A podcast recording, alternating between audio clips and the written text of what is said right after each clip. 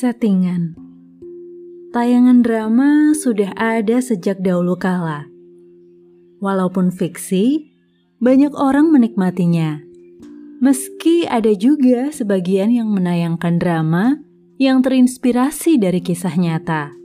Namun ternyata banyak kisah nyata yang sengaja dibuat drama. What?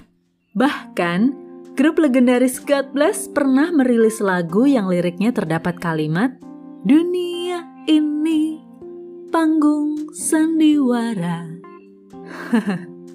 Iya, seolah nyata, namun ternyata rekayasa atau settingan.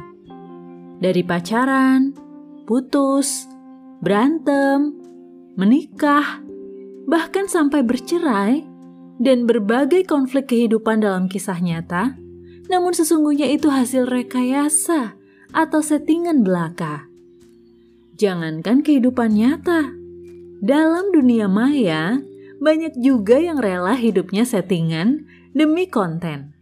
Supaya banyak yang follow, likes, subscribes, popularitas, dan balik lagi ujung-ujungnya duit.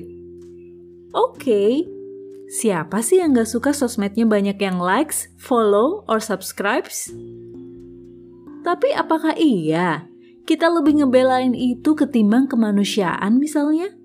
Jika suatu kali kita diperhadapkan dengan situasi yang sulit, terlihat bakal terjadi musibah, apakah tangan kita ringan menolong?